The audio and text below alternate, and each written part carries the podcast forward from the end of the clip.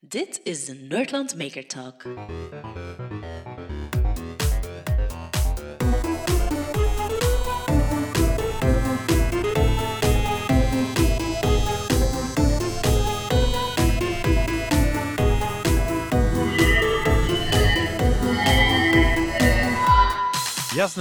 Jasna Rockegem, maar uh, online ook wel bekend als Jasna Rock. Hè. Dat is eigenlijk de naam van uw bedrijf, denk ik, hè, dan vooral. Of van een brand, of het is wel.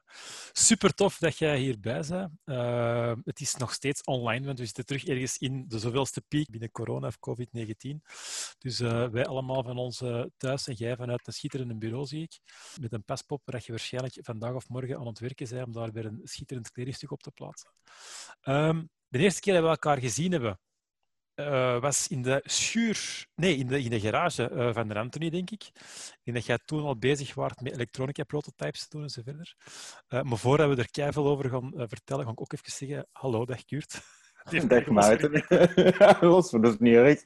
Ja, ik zie je, hè? Ik moet ook ja, maar mijn kamertje natuurlijk, hè. Nee, maar ja, ik, ik denk voor, voor, voor een breed publiek, wanneer ik heb Jasna gezien van ver op TEDx in Antwerpen twee jaar geleden of anderhalf jaar geleden. Um, ja, inderdaad. Zo de, en voor mij, maar je moet dat direct aanvullen, hè, Jasna. Voor mij zit jij zo degene die dat inderdaad fashion en technologie en dan gevoelens daarbij, of, of wat je als persoon daar mee wilt doen, combineert. Klopt dat een beetje, of niet? Ja, dat klopt exact, Kurt. Dat heb jij heel mooi omschreven. Dank je wel. Dat is, dat is fijn dat je dat op die manier interpreteert. Hoe lang is je er eigenlijk al mee bezig? Want jij bent begonnen, als je bij het begin beginnen, jij hebt in Nederland gestudeerd, hè? Ja, klopt. Ik, ben, ik heb in uh, Rotterdam gestudeerd aan de Willem de Koning Academie. En dat is een, een modeacademie, of wat is dat juist? Ja, dat is een kunstacademie en ik heb daar inderdaad mode gestudeerd, een, uh, een bachelordiploma. En, en, toen al bezig met, met technologie en kledij? Of, of, of, of, mag, mag je kledij zeggen, of is dat, is dat fout? Of moet dat, moet dat mode zijn? Of is dat, is er een verschil? Of? Wel, jij mocht dat eigenlijk noemen hoe, dat, hoe dat jij dat fijn vindt, Maarten. Oké, okay, dankjewel. Voilà. Um, ja, inderdaad. Um, de modeacademie in Rotterdam is vier jaar. Uh, en in je laatste jaar moet... Uh, nee, in je derde jaar moet je ook verplicht stage lopen. En dan ben ik teruggekomen naar België en heb ik stage gelopen bij Anne de Meulemeester. Dus een van onze bekende Antwerpse zes toppers in de, in de mode-industrie. Wat dat echt wel heel ambachtelijke mode is, als ik, als ik dat zo mag zeggen. Ik heb daar heel veel respect voor en ik vind dat fantastisch wat dat zij doen. Um, ik was daar enorm geïnspireerd eigenlijk door Anne Chapelle. Dat is de, ja, de businessvrouw achter Anne de Meulemeester. Um, en ik dacht toen na dat derde jaar, ja, nu heb ik het wel gedaan. Hè. Ik heb mijn eerste collectie gemaakt. Dat ging over uh, reizen door de ruimte trouwens. Uh, ik heb mijn stage gelopen. Oké, ja, wat kan ik nu eigenlijk nog meer doen? Dus uh, ik had dat laatste jaar zwaar onderschat. Want het is pas eigenlijk in dat laatste jaar dat ik mijn complete liefde voor technologie ontdekt heb. Nu, die was er altijd al sinds kleins af, want mijn papa is een mechanieker. Dus ik ben echt ja, opgegroeid met me mechanica en, en lossen en solderen. Ja, ja, ja, dat, dat, dat. dat. Uh, ik vond gewoon... Mijn papa werkt ook echt zo super graag met zijn handen. Heeft een oldtimer. Ik vond niets leuker dan zo... Ja. Ik was eigenlijk zo meer het mannetje in huis in plaats van het dochtertje. Ik zat meer met papa te sleutelen en van alles te doen dan zo bij mijn mama zo achter de potten en de pannen, dat interesseerde mij totaal niet. ja. Dus ja, het moest ervan komen, hè. het moest ervan komen. En dan toch, toen je die had, toch niet daarin, in de eerste fase niet daarin verder gaan, maar toch mode gaan studeren. Ja, klopt. Maar ik wou dat echt al doen van als ik tien jaar oud was of zo. Ik wist dat heel, heel vroeg dat ik dat wou studeren. Alleen dat mocht niet van mijn ouders. Want uh, ja, die zagen mij liever advocaat of burgerlijk ingenieur worden. Dat, dat vonden ze geweldig. Of dokter of zo, weet je, zoiets. Ja, ja. Um, en, nu, en nu blij van het pad dat je gekozen hebt? Goh, ja, en ik, alleen nu zijn ze wel blij. Natuurlijk, met heel die coronacrisis uh, zeggen ze... Ja, ja, ziet, als je nu gewoon toch voor een normale job gekozen had... Maar ik zeg, ja, kom, het is oké, okay, weet je. nee, maar ik denk dat het kei tof was. Ik heb in februari mijn papa kunnen meenemen naar NASA. En uh, die is voor het allereerst in zijn leven in Amerika geweest. En dat was kei tof om, om zo ja, een van mijn eigen ouders even mee te nemen naar mijn wereld, om het zo te zeggen. Maar dus naast mode en technologie doet je ook nog iets met ruimtevaart? Ja, ik ben enorm gefascineerd en geïnspireerd door de ruimte. Um, en in 2018 heeft NASA in Houston mij uitgenodigd om daar op een van hun conferenties, allez, een exclusieve conferentie, ehm, te gaan spreken en mijn werk te tonen. En dat was eigenlijk daar mijn intrede. En uh, door daar eigenlijk gesprekken te voeren over uh, ja, mental well-being in de ruimte met de CTO van NASA, heeft dat heel snel een vervolgverhaal gekregen. En ondertussen ben ik daar op twee jaar tijd vier keer geweest. En uh, is dat echt wel een hele mooie wisselwerking geweest. Je hebt uh, overlast nog een uh, groot cadeautje thuis gekregen als ik op je Instagram Ja! Dat oh, daarin? Of moet je dat niet zeggen? Ik heb het nog niet open gedaan, omdat het staat hier nog in quarantaine. Ja, ja in, in, in Amerika is het corona echt nog wel een big problem. En er zijn eigenlijk continu gevallen van corona in, ja, in Space Center Houston zelf. Dus voor de zekerheid, het is hier toegekomen en ik heb het in de kelder laten zetten en ik kom er nu niet aan. En dat is echt een kwelling. Dus je hebt al gewoon een week een mega pakket van NASA in je kelder staan en je mocht er nog niet aankomen. Nee, maar ik weet wel wat erin zit. Maar, maar misschien als je het in water kookt, boven de 65 graden, is het oké. Maar ja. Nee, dat gaan we niet doen. Okay. Het is ook groot. Ja. Kurt, je hebt het niet gezien, maar het is echt. Nee, oké, oké. Ja. Kurt, Jasna, dat is zo iemand. En, en, en, en toch wel eens iets drinken of iets eten. En dan. Uh, zeg, Maarten, heb ik je nog niet verteld, zeker? Maar uh, jullie, staan, uh, jullie hebben op een demo gestaan bij NASA. En dan, op een gegeven moment hadden wij samengewerkt via een masterstudent van mij. Die had dan samen iets gewerkt. En dan stond dat gedemonstreerd bij NASA. Zo zijn. zijn hey, voilà, dat. Hè. Dit. Ja. Mindlight. Dus, wat is dat? Dit is Mindlight. Om het Dit even, zijn proto prototypjes van Mindlight. Om het even uit te leggen, dat is eigenlijk een, een, een lampje dat van, dat van kleur verandert. Hè. Dus dat is een um, RGB'tjes die van kleuren veranderen. En dan op basis van uh, bepaalde brainwaves, dat moet jij maar helemaal uitleggen, Jasna, uh, kunnen dat, kunnen, gaat dat veranderen van kleur eigenlijk. En dat prototype, om dat dan eh, draadloos en ja, echt gewoon prototyping, makerstuff te, te bouwen, had de masterstudent uh, met mij mee al gewerkt. Uh, en hij stond dan te demonstreren uh, bij NASA. Dus dat was wel tof. Maar ja, we zijn, we zijn heel snel aan het gaan, want ik ken, ik ken Jasna niet zo heel goed, maar dus mode, technologie, NASA. En dan heb ik zo'n beetje door van inderdaad, het gaat hem rond well-being, rond het feit van hoe communiceerde non-verbaal en hoe kan technologie daarin eh, misschien ondersteunen. Ik probeer te interpreteren, als het niet juist is, moeten we onderbreken. Hè. Maar wil dat dan zeggen dat je binnenkort SpaceX-suits gaat mee ontwerpen, of niet? Graag. Enorm graag. ik ben aan het wachten ja. totdat ze mij bellen. Maar, maar dus waarom is dat zo, of wat is dan specifiek zo bij NASA, waarom zijn ze zo hard geïnteresseerd in, dat, in dat, die manier van communiceren via technologie dan, vanuit kleding? Um, goh ja, er zijn verschillende redenen, Kurt. Um, eerst en vooral, goh, waar gaan we beginnen? Hmm. Even nadenken dat ik inderdaad ook niet op de hak, van de hak op de tak spring. Mm, Oké, ik neem eventjes terug in de tijd. Um, we gaan eventjes terug naar toen ik bij Nokia Bell zat. Ik heb uh, de laatste twee jaar als uh, artist in residence voor Nokia Bell Labs gewerkt. En um, door mijn fascinatie voor de ruimte was ik onderzoeken gaan lezen. En ik las dat er astronaut, astronauten waren die terugkwamen met de third wheel syndrome. Wat wil dat zeggen? Bijvoorbeeld in dit geval, er waren twee cosmonauten, dus dat zijn Russische... Russen, ja. ja. En dan een astronaut, dat is Amerikaans. Mm, die op ruimtemissie geweest waren. En die Amerikaan die kwam terug met de third wheel syndrome. Het feit ook al gewoon dat hij een andere taal spreekt, andere mhm. cultuur, dat die elkaar niet goed konden verstaan. Nu, moet u inbeelden, oké, okay, third wheel syndrome, right, maar je zit wel in een mini-capsule voor ik weet niet hoe lang samen. Als wij, dat hier zouden, als wij dat hier zouden voor hebben, ja, dan denkt oké, okay, ik ga naar mijn beste vriend of vriendin of whatever, mm maar daar, dat gaat gewoon Kunnen niet. Kunnen wij ook niet, hè? Ja, you're locked. Dus mensen of luisteraars, ik denk dat we op dit moment meer dan ooit snappen waar ruimtemensen, wat dat die doormaken tijdens de lockdown zitten we, heb je nog je appartement of je huis, maar die mensen zitten opgesloten op een mini enkele vierkante meters. En die moeten het daarmee ook doen. Hè. Ook als die een depressie hebben of zo. Die kunnen niet zo even naar een therapeut of de psycholoog. Die zitten vast. Um, dus, dus ja, dat is effectief ook wel echt een probleem. Um, depressie in de ruimte bestaat dus ook. Ehm, en daaraan koppel ik graag even, eventjes het feit, uh, veel mensen weten dat niet, maar eigenlijk heel veel uit ons dagdagelijks leven komt uit ruimteonderzoek. Denk maar aan je tefalpan. Denk maar aan al die handgelletjes. Denk maar aan babyvoeding. Ja, ja, babyvoeding komt uit ruimteonderzoek. Onze GPS, onze telefoon. Dus ons leven zou er vandaag niet uitzien zoals het eruit ziet als ruimteonderzoek er niet geweest zou zijn.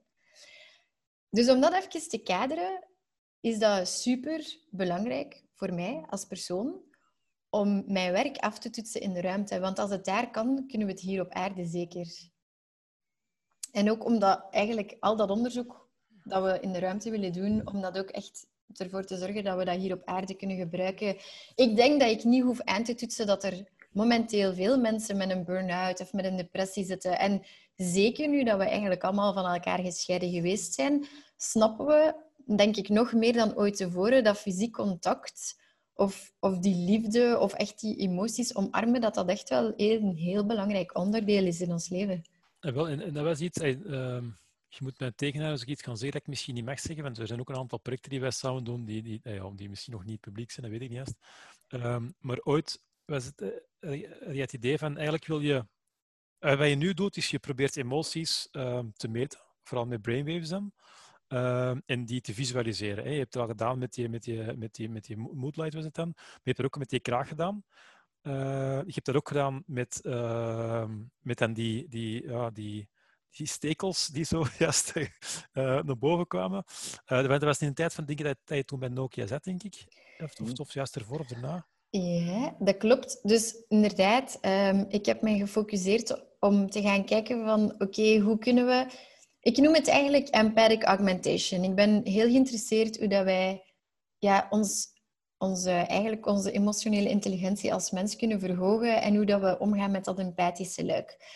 En met de Fashion on Brainwaves collectie is een collectie die de hersengolven visualiseert in real time in kleding die kan veranderen van kleur en van vorm.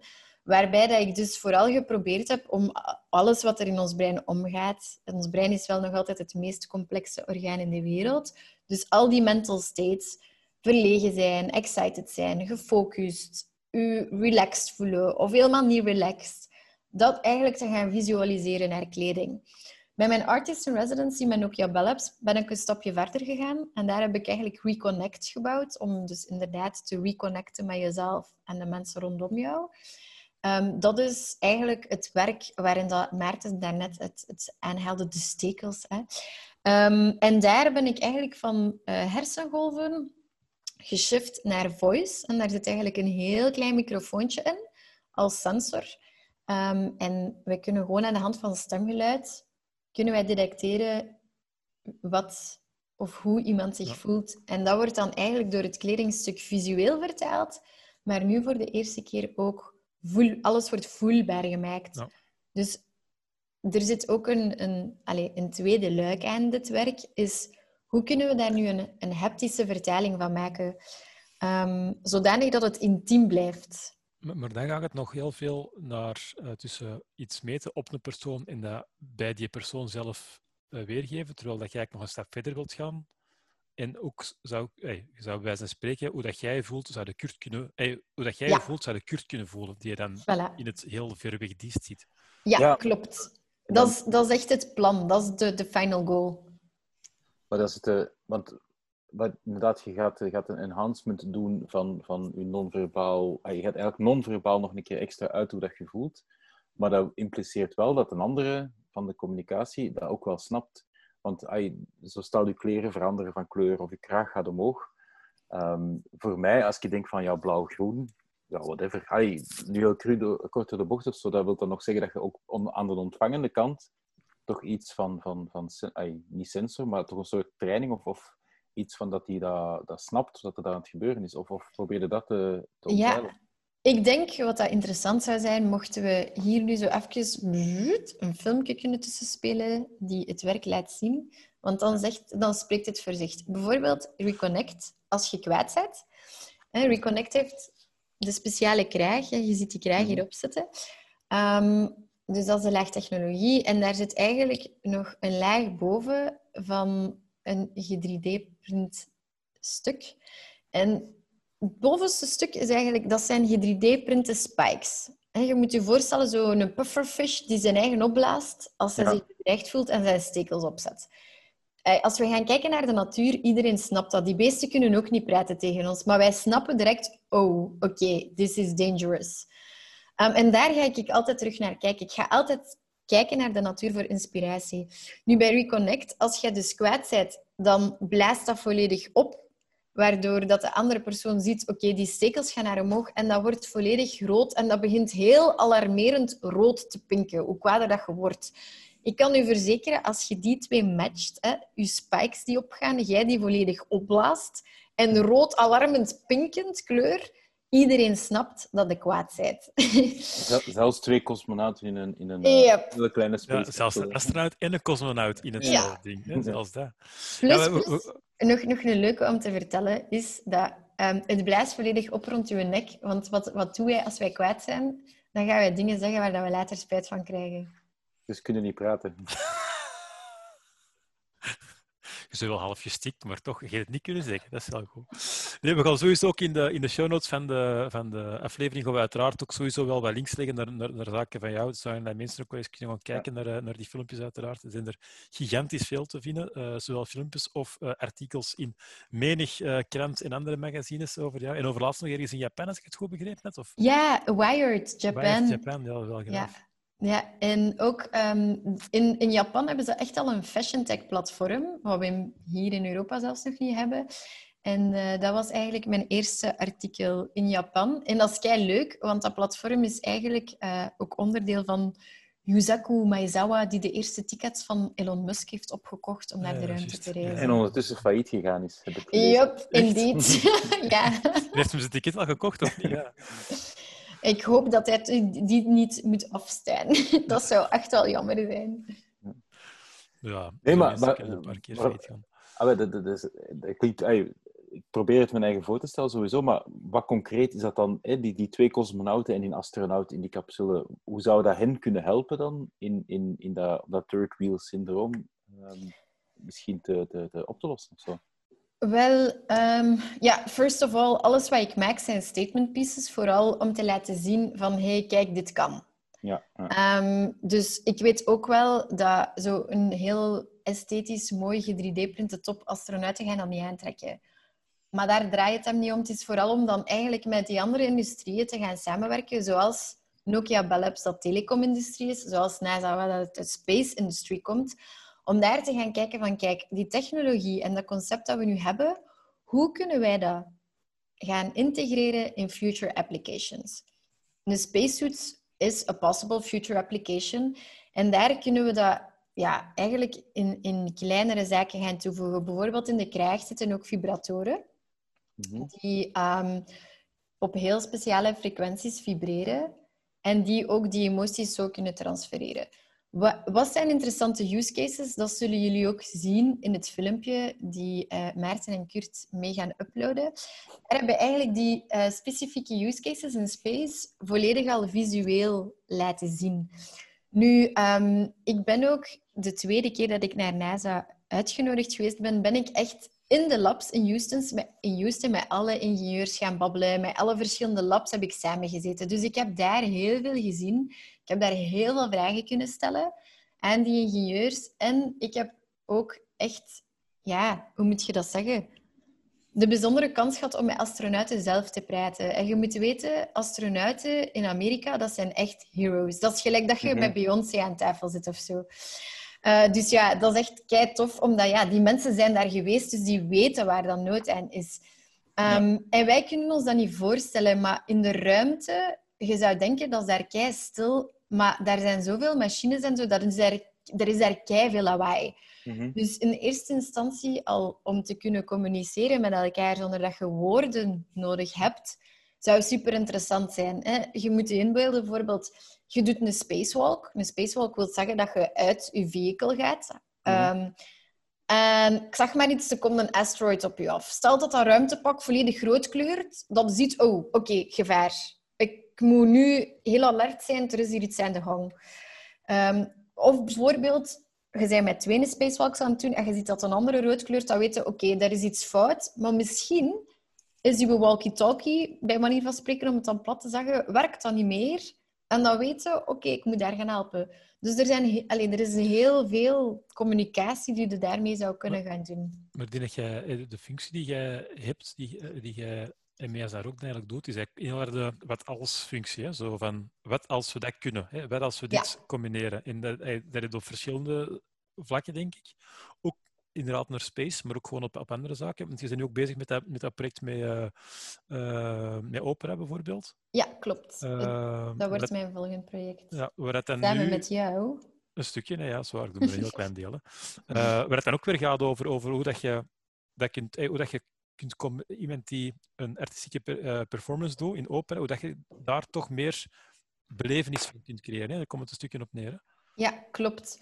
Inderdaad. Um, en vooral ook rond, terug rond die emoties en rond die empathie.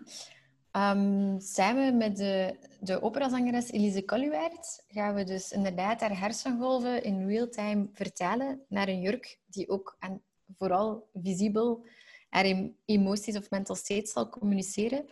Nu, wat, daar zit, dat is ook echt een tweeluik. Enerzijds sta je als artiest meer dan ooit naakt op podium.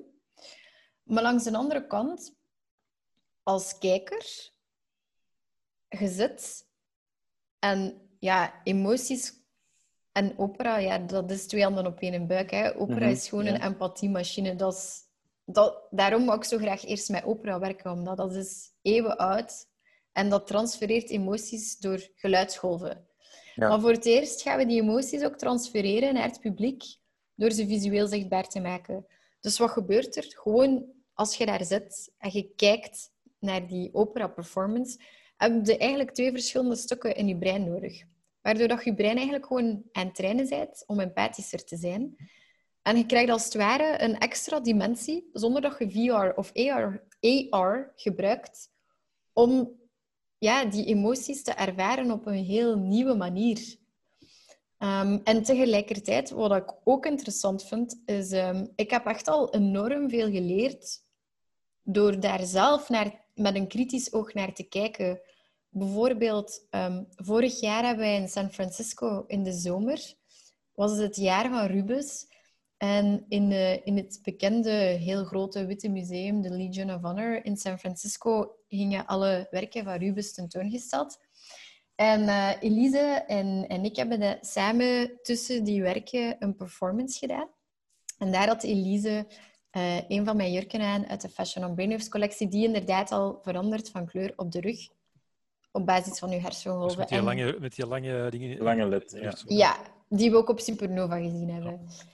Um, nu, en daar zag ik dat Elise door heel veel verschillende mental states gaat terwijl dat hij zingt. En dat was eigenlijk heel bijzonder, omdat ik reis nu al vijf jaar lang rond met dat stuk door verschillende culturen. Europa, maar in India hebben we het ook gedaan, in Amerika.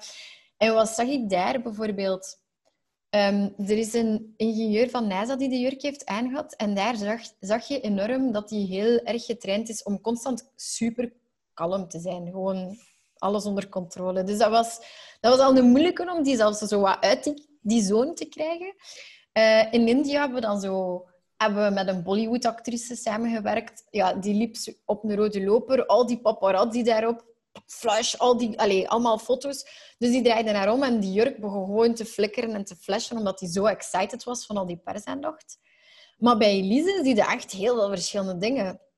Um, en op een bepaald moment, terwijl dat hij aan het zingen was, werd hij mega meditatief. En ik heb haar gewoon daarna gevraagd, hoe in godsnaam doe je dat? Allee, dat, ik kan mij dat niet inbeelden. Dat de focus echt naar één stukje in. Ja. Nee, nee, nee. nee. Dus focus hebben we ook enorm gezien. Dus we hebben gezien dat als zij haar hoogste noten wilt, wilt ja, zingen, dan heeft ze meer dan 80% van haar focus nodig. Dat hebben we heel mooi kunnen zien in de, in de jurk, want ik had er zo nog, voordat we vertrokken, hadden we erin geprogrammeerd dat als ze meer dan 80% focus nodig heeft, dat dat zo'n hele mooie regenboogglut werd. Dus dat was leuk om te zien. Um, maar die werd ook op bepaalde momenten gewoon super meditatief, alsof dat hij in een meditatie zat. Dus ik dacht, wow, oké, wat is dit? En ze zei, ja, maar dat komt ook door mijn ademhaling. En ik dacht, oké, zelfs wij als kijker kunnen daaruit leren. Als wij gewoon terug leren ademhalen, wat dat gewoon een primaire behoefte is, op de juiste manier kunnen wij gewoon ook onze stress gaan ja, naar beneden halen. Ah, wel, dat was ik aan het denken, want eh, zo, je hebt zo die aflevering van Brain Man gezien waarschijnlijk, met Bart van Peer en Otto Jan, die dat ze op zoek, op zoek gaan bij een, Dalai, eh, bij een geen een Dalai Lama, maar wel bij een Tibetaanse monnik, die dat, ah, die dat echt zo wereldkampioen is in, op, op het vlak van meditatie. Ja, En, en die, die, zijn, die hebben zijn hersengolven ook uitgelezen. En dat was één eh, richting maar. Dat was zo, Mhm. normaal gezien hebben we pieken in alle Ja, richtingen. Dat zo klopt. perfect getraind. Dat was een atleet Ja. op het vlak. Is dat dan, zou, zou, dat, zou dat mogelijk een toepassing zijn? Dat je denkt van, echt mijn, voor mensen die daar in, ja, op zoek zijn van, shit, hoe kan ik mijn eigen rustiger maken? Dat je eigenlijk wel, of zichzelf niet goed snappen, of zichzelf niet goed kunnen uitlezen, dat een kledingstuk hen kan helpen om eh, rustiger te worden, om, te zeggen, om, om hen eigenlijk te helpen in een of ander ja, ademhalingsoefening of meditatie of whatever. Tuurlijk, exact. Hè, dat is zeker een mogelijke toepassing. En als je dat dan nog zou combineren met hè, Reconnect, waar we het daarnet over hadden. Ja? Bij Reconnect zit het zo dat als je kalm bent, dan ademt dat stuk met jou mee. En het feit dat je kleding je kan eigenlijk gewoon helpen. Dus als dat op je ademt, ga je automatisch je ademhaling aanpassen en ga je ook zo kalm Voilà, ja, het is, ademen. het is de- een, cirkelbeweging natuurlijk. Voilà, en dat-. Dat, dat exact, Kurt, is van... Kijk, kleding op dit moment is gewoon mega passief en eigenlijk super boring. I mean, Mijn dochter heeft nogthans zo'n t-shirt en als je erover wrijft naar boven en naar beneden, dan krijg je een ander Nee, tekening. dat heeft mijn dochter ook. Ja, ik heb ja. dat ook. Ik heb dat ook. maar dan nog, je kunt daar maar ik in heb- schrijven en in En ik heb een t-shirt met een, met een, met een eh, VU-meter die eh, op de muziek... ritme- Daar Ja. ik op aan te wachten. Ik dacht ja, dat klaar. Kurt nog ging zeggen. Nee, nee, nee. Ik, eh, nee, Tegen Maarten probeer ik niet eens. Ja, pas op. Ik heb trouwens voor mijn trouw van de, van de een Ah ja, dat is waar, ja. eh, add-on gekregen. Van mijn, ik heb voor mijn DES een, eh, een sensor gekregen en die een, eh, met vier ritjes en die telde af. En ik moest om de zoveel tijd moest ik eh, mijn vrouw een knuffel geven. Als ik dat niet deed, dan ging ik dood. Dus ik moest eh continu knuffelen en dan kwam ik dicht bij mijn vrouw en dan werd hij terug opgeladen, bijvoorbeeld. Dat is Eh, zo de max. ja, ja, ja. En ehm, ik heb daar eigenlijk deze week nog aan gedacht. Want Kurt en Maarten, ik ga ook trouwen en ik zou dat Echt? fantastisch hebben om... Allee, ik zou dat fantastisch Proficiat, vinden om dat ook te hebben. Dank u. super. Kurt, voilà. Ik heb het protipje Voilà. nog liggen, dat kunnen we Ja. volgende dat maken. is waar. Dat zou super cool zijn. En dan kan ik mijn design skills daarop loslaten en dan wordt dat iets van ons drie samen. Kijk. Ja, voilà, want dat is inderdaad wel een interessante insteek. Maar ik ga even pauzeren, want ik moet mijn kinderen in bed steken. Oké? Maar ik De houd vast. Mogen houd wij, vast. mogen wij verder babbelen, Kurt? Of, of doen wij... Ah, maar ik heb een, een heel goed bruggetje naar... eh, ja, voilà. Wacht. Ah, dus wij moeten echt gewoon stoppen. Eh, Tien seconden. Ik ga even mijn dochter knuffelen. Voilà. Alright. Nee. Ah, dat is in bed steken bij u. Ja, die zijn al puberen, hè. Dat is En die is een gemakkelijk. verhaaltje en ik, zo. moet die, ik moet die verhaal vertellen nog eens. Die is al 13, Maarten, dat komt, dat komt. Dan wil je dat niet meer, dan zich daarvoor. Maar Ah, geniet er nog van, nog het kan. Eh, de fashionkant, ja, ik weet niet hoe cool en, en de gevoelskant. Maar misschien is het ook wel interessant om een keer in te zoomen op de technologieën dat je gebruikt. Van ja, brainwaves uitlezen. Ja. Ik denk van, ja, dat lijkt me ik weet niet hoe cool, maar hoe doe je dat? Oké, ehm, ja, hoe doe je dat? Goh, ehm, ik zat in mijn laatste jaar aan de modeacademie en daar had ik het idee, oh my god, oké, ik wil het brein met kleding connecteren. En ehm, ja, dan kom je zo bij u, ja, gelijk dat, dat de studenten naar u komen, hè, professor Wijns. Ze moeten met- wijn, zonder is. en... En dan moet je zeggen wat je wilt doen om af te studeren. En die dacht, ja, allee, die is een Belg, die wil daar zo het brein met kleding connecteren. Er is nog nooit iemand die dat gedaan heeft in de wereld. Ja, laat staan dat dan een student lukt. En ehm, dan heb ik ja, mijn netwerk in, in, in de strijd gegooid om zo snel mogelijk aan breinsensoren te geraken. Want dat was echt op dat moment niet gemakkelijk. Ja, Het is niet dat er zo- Wanneer, hoe lang geleden is dat? zes jaar. Ja, voilà, dat is echt zo het prille begin, hè. Ja, het prille begin. Ja. En ja, het is ook niet dat een wetenschapper of een neuroscientist staat te springen voor een modestudent die zo'n rare hersenklonkel heeft in haar hoofd. Dus wat heb ik dan gedaan? Ik heb eigenlijk een spelletje gekocht. De Mindflex noemt dat. En dat is een spelletje dat je zo een bal hoog moet houden met een breinsensortje op je hoofd. Wat dat Ja. weliswaar heel veel hocus pocus is, maar toch, dat heb ik dan maar eerst gekocht, eh, ja, uit elkaar gehaald en gehackt om aan die sensor te geraken. Mhm. Dan enkele maanden later was ik aan een Emotive geraakt, aan een Neurosky geraakt en aan nog een andere, nog een derde. Want dat zijn allemaal dingen, sensoren die je op je hoofd zet. Er is Ja. niets invasief, hè? Allee, ja. Mm, Nee, nee, het zijn allemaal Oké. sensoren dat je op je hoofd zet. Ja. Ehm, en dan heb ik eigenlijk meegedaan aan een hackathon bij ESA, de European Space Agency in Noordwijk.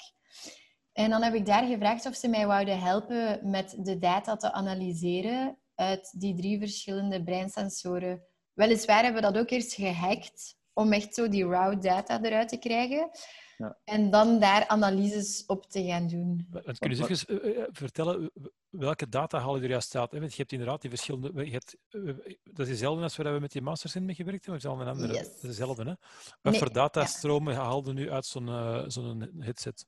Wel, ehm, dus je hebt al je hersengolven, hè, dat je er kunt uithalen. Ja, maar veel Ehm, mensen niet weten waar dat de hersengolf is. Misschien... Zijn dat elektromagnetische golven bijvoorbeeld? Of... Ja, dus inderdaad. En ehm, misschien kunnen we een printje of een link ook nog Ja. toevoegen allee, straks. Ehm, maar inderdaad, de, eh de Neurosky Mindwave die haalt eigenlijk acht basic frequencies uit, uit je brein, om het zo te zeggen. Ehm, en dan heb je bijvoorbeeld ook high en low alpha waves.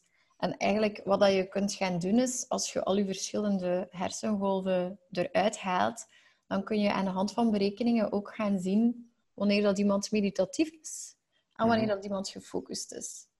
Ehm, dus dat is wat, wat wij daar gedaan hebben.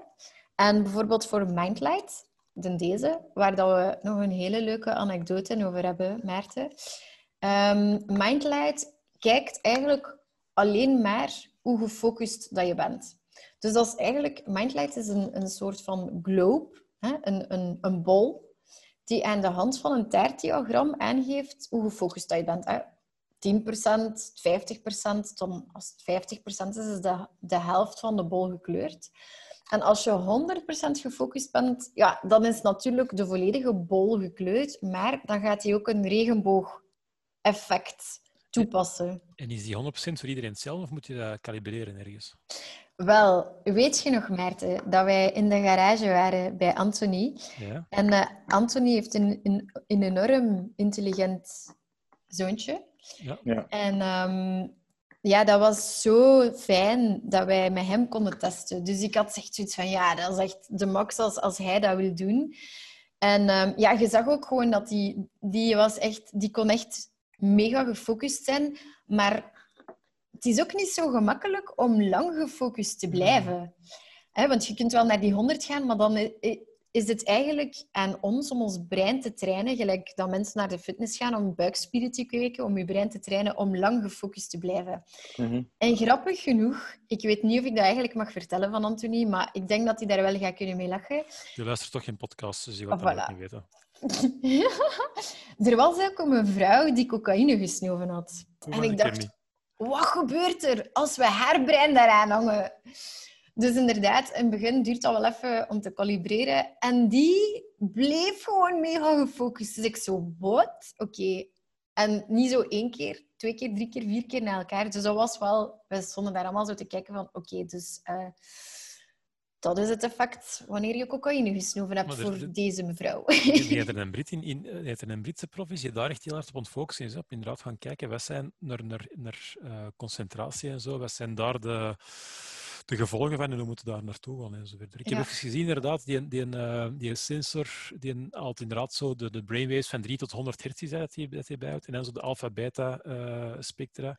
Ja. En inderdaad geeft hij ook weer attention, meditation en een aantal andere eh, parameters Yes. dat hij er al uit. Ja, ik heb het er net al, al een keer aangehaald, maar zo die, die, ehm, eh, wat de Otto Jan en, en Bart van Peer gedaan hebben met Brainman, die zijn effectief naar Silicon Valley ook gegaan en er is er een hele industrie van pepmiddelen en medicatie Ja, ja, en, en, paddo's, allerlei dingen om je, je focus en dergelijke te kunnen verbeteren. Dus er zit inderdaad wel wat onderzoek naar. Ja. Ehm, ja, Ja, maar dus en- hebt dan die brain sensor, dat is dan, dan, dat is dan vooral de belangrijkste eh, technologie waar dat je mee werkt om dan daar aan dingen te gaan koppelen. Of zijn er Wel, andere?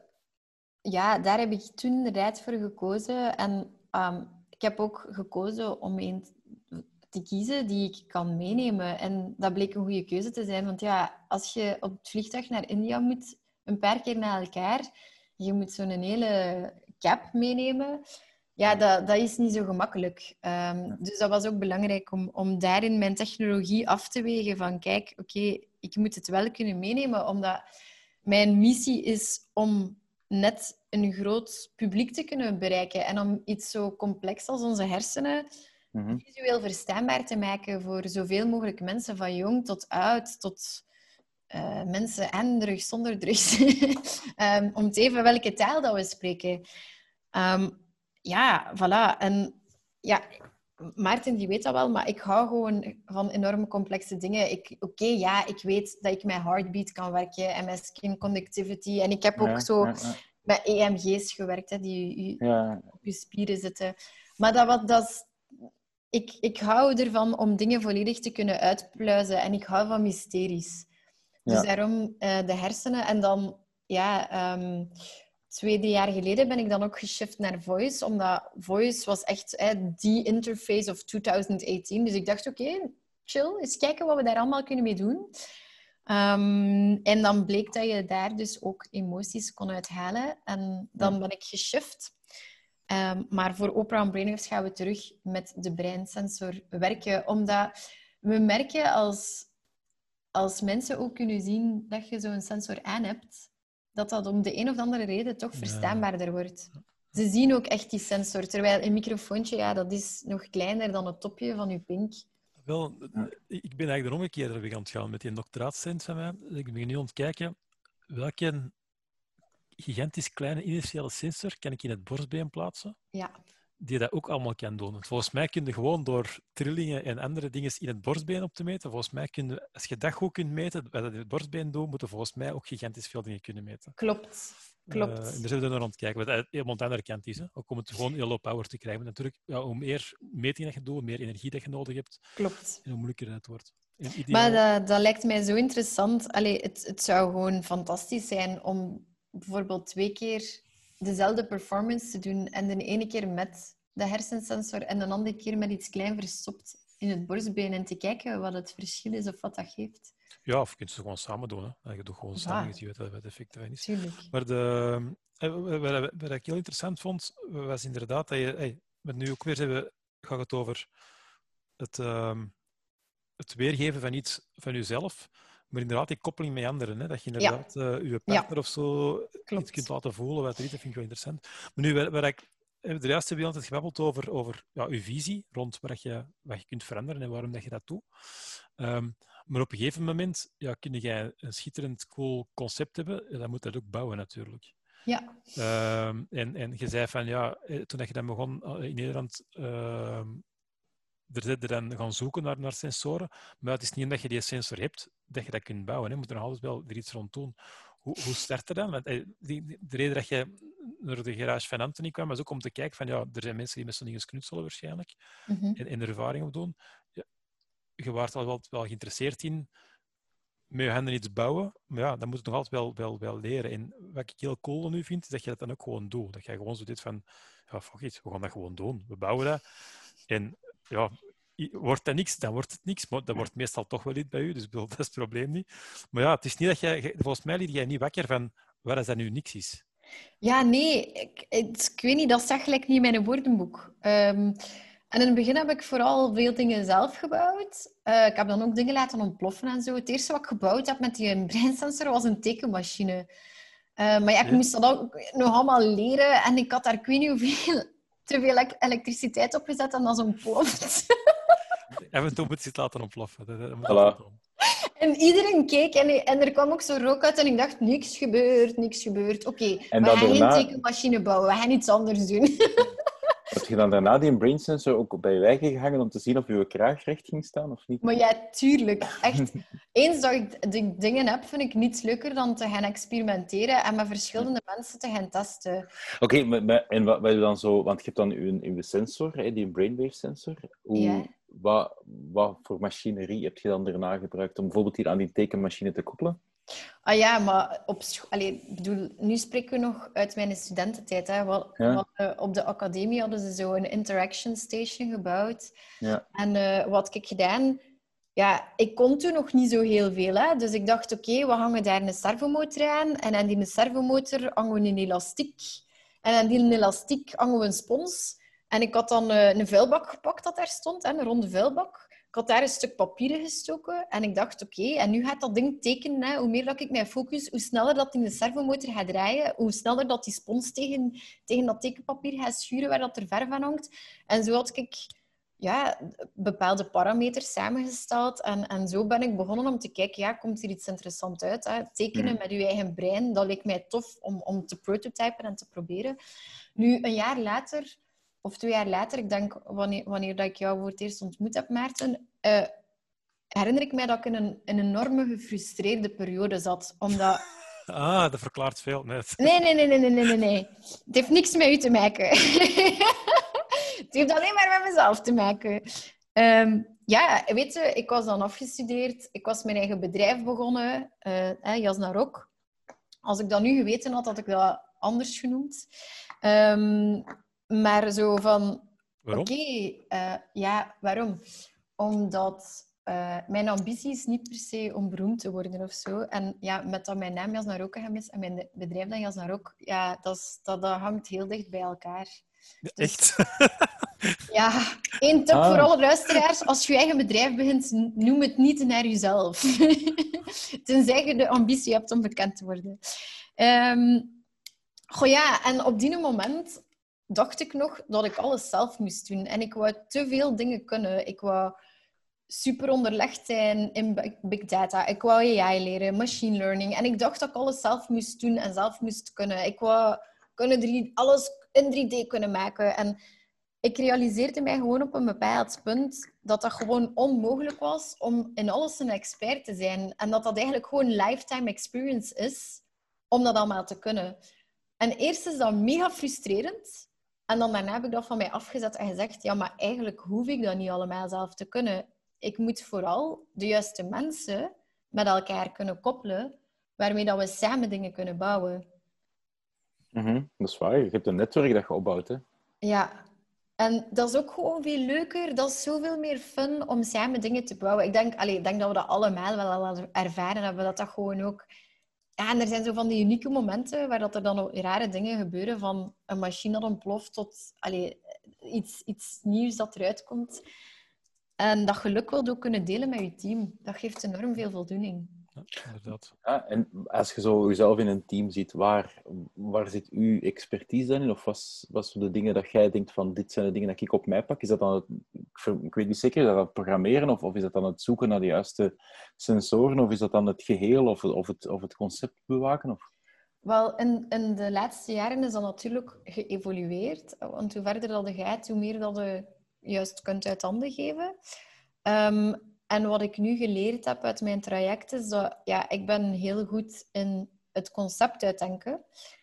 Ehm, waar dat ik dan echt wel op zoek ga naar ja, cutting the edge. Hè. Hoe meer dat ik het kan pushen, hoe beter. Als het nog nooit gedaan is in de wereld, dan vind ik het helemaal geweldig. En als iedereen zegt dat het onmogelijk is, dan ga ik er volledig voor. Uiteraard, Dus- ja. Dat. Ehm, en dan ja, de storytelling. Maar vooral ook, ik denk dat ik zo het spinnenkopje ben in, in, in het web. Ehm, omdat je brengt eigenlijk hè, een, een driehoek of een piramide samen. Je hebt enerzijds de schoonheid, de fashion, je interface. Je hebt de wetenschap, wat dan meestal resulteert in een paper dat geschreven wordt. En je hebt dan de ingenieurskant en de technologie, wat dan resulteert, resulteert in dingen functioneel maken. Maar als je die alle drie apart zou zien, ja, oké, modemensen kunnen iets schoon maken, maar het doet niet. Een ingenieur gaat iets maken dat werkt, maar het ziet er niet uit. Dus de mensen willen het niet. En een wetenschapper gaat een paper schrijven die, die door bijna niemand gelezen wordt, bij manier van spreken. Mhm. Allee, niet door het grote publiek, dat wil ik zeggen. ja. En als je die drie samen kunt brengen en je kunt die verschillende expertises in elkaar mengen, dan kom je tot een resultaat dat een impact kan maken op deze wereld. En we hebben dat gewoon nodig als, als we kijken waar dat we vandaag staan en ik vind dat juist mooi, omdat heel veel mensen denken dat technologie koud is. Maar technologie kan ook heel warm en heel omarmend zijn. En net iets wat ik wel op of in mijn lichaam wil. Ja. Hoe, hoe kunnen wij ons Absoluut, augmenten als mens? Ja. Is door technologie te gaan embracen.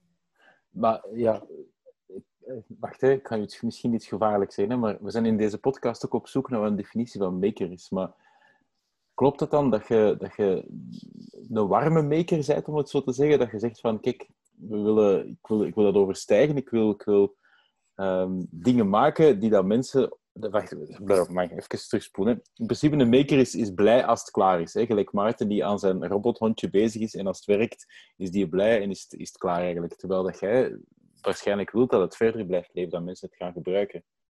Is dat, is dat wat, dat, wat dat voor u makerschap overstijgt misschien, of niet? Of, of Oh. vindt u zelf een maker, of niet? Maar ja, weet je, dat zijn allemaal maar labeltjes. Dat is waar, ja.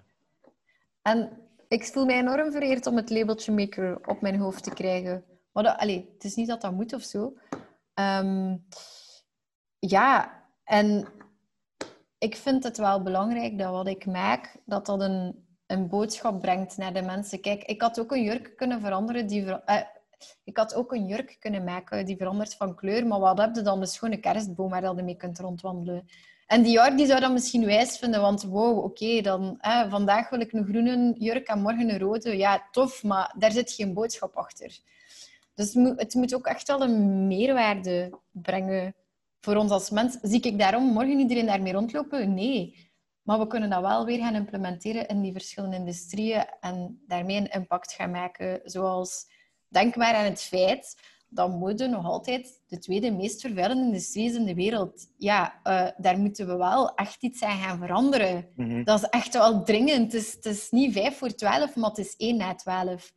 Dus als ik dan net ook één van de vele voorbeelden kan zijn van hoe dat, dat anders kan, met mijn nerds en met mijn makers en allemaal samen, wel laten we dat dan vooral doen. En dat vind ik zo leuk aan de makerindustrie, is dat alle makers eh, of, of, of nerds en makers, die willen samenwerken, die willen samen dingen bouwen. En Mhm.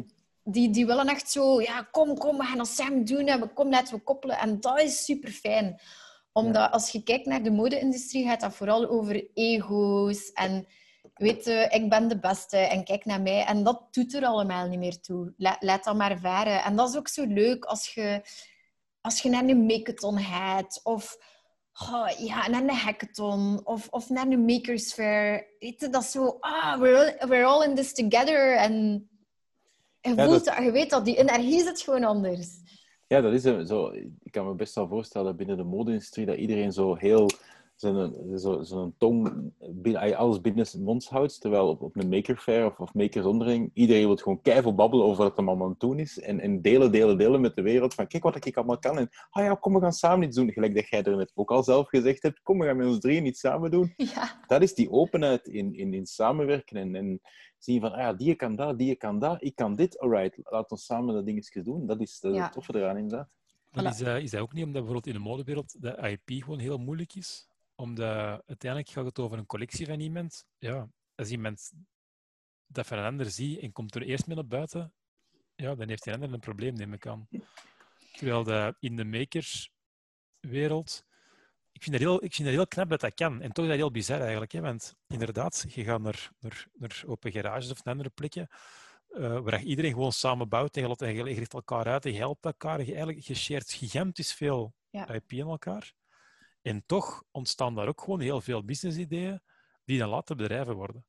ja. En, maar dat is een, er zullen af en toe ook wel verhalen zijn waar het fout loopt. Maar in heel veel gevallen gaat dat wel heel goed. hè. Als, ik, als, ik, als je naar Frightcamp gaat bijvoorbeeld, dan loopt het er rond met heel veel mensen die bedrijven runnen, die er allemaal samen bouwen, maar een dag daarna wil allemaal perfect hun eigen IP opbouwen voor hun eigen bedrijf. Dus dat is heel, ik vind het heel knap dat dat, dat echt samen kan. Ja. En misschien is dat ook iets dat, dat in die molenwereld wel heel moeilijk is, omdat die IP heel moeilijk te beschermen is. Ik weet het niet juist. Goh ja, Maarten, ik trek mij daar eigenlijk allemaal niet zoveel van aan. Dus goed. Ze kunnen, ze kunnen het vooral zelf uitzoeken. Ja, voilà, het is dat. En ik denk dat nu met de hele corona en de crisis die volgt, er gaan er gewoon enorm veel sneuvelen. Dus ik ben een enorme optimist. Ik zie ook wel het positieve ervan. En ik bedoel, ze gaan moeten veranderen. Ze gaan iets anders moeten doen. Heel het winter-zomercollectieverhaal is helemaal, uh, is helemaal weg, hè? Bedoel... Ja, klopt. Uh... klopt. Ik heb vandaag nog met iemand gebeld van Crea Moda. Dat is de Belgische modefederatie. Ja, wel, dat is niet erg, hè? Welkom dan in de makerswereld. Misschien kunnen wij ze ook nog iets leren, hè? ja, dat is waar. Zeg, wat zijn zo de, de, de technologische grootste uitdagingen waar je aan, aan hebt moeten overwinnen in heel je prototype? Want, want jij bouwt in het begin bouwt het wel een stukje zelf samen met anderen. Een stap verder is dat je dan zo'n eerste echt afgewerkt prototype mee maakt. Hetgeen dat achter u staat, dat is helemaal proper afgewerkt. Dat is niet meer om elkaar gehaakt. Uh, ik bedoel, dat, dat, is, dat is ja, dat is ja, dat is, dat is geen, dat is geen super, dat is, geen breadboard meer. Hè. Ik bedoel, dat is echt een product bijna. Hè. Ja, wel, maar in het begin is dat, ja, ziet dat er echt zo niet uit. Hè. Ik weet nog, de eerste versie van die kraag, ja, dan hebben wij zo met ons eerste 3D-printer zo al die molletjes zelf, zelf geprint, waar dat we dan die siliconen in, in goten. Maar ja, dat begint echt helemaal van nul. Het eerste is al, ja, wat is het juiste materiaal? Tegen dat je bij het feit zet van, ah, ik ga siliconen gebruiken, want dat voelt als een tweede huid. Dat is al een heel materiaalonderzoek op zichzelf. Dan komt het tot de volgende stap, waarvan dat beslist, oké, ik ga voor dit materiaal gaan, wat dat hier bijvoorbeeld siliconen is. Uh, en dan heb je een hele onderzoek van, oké, waar op het lichaam ga ik dat plaatsen? Oké, daar. Oké, welke vorm moet dat hebben? En dan zit er met heel uw design en uw vormonderzoek en tegelijkertijd ook met uw technologieonderzoek.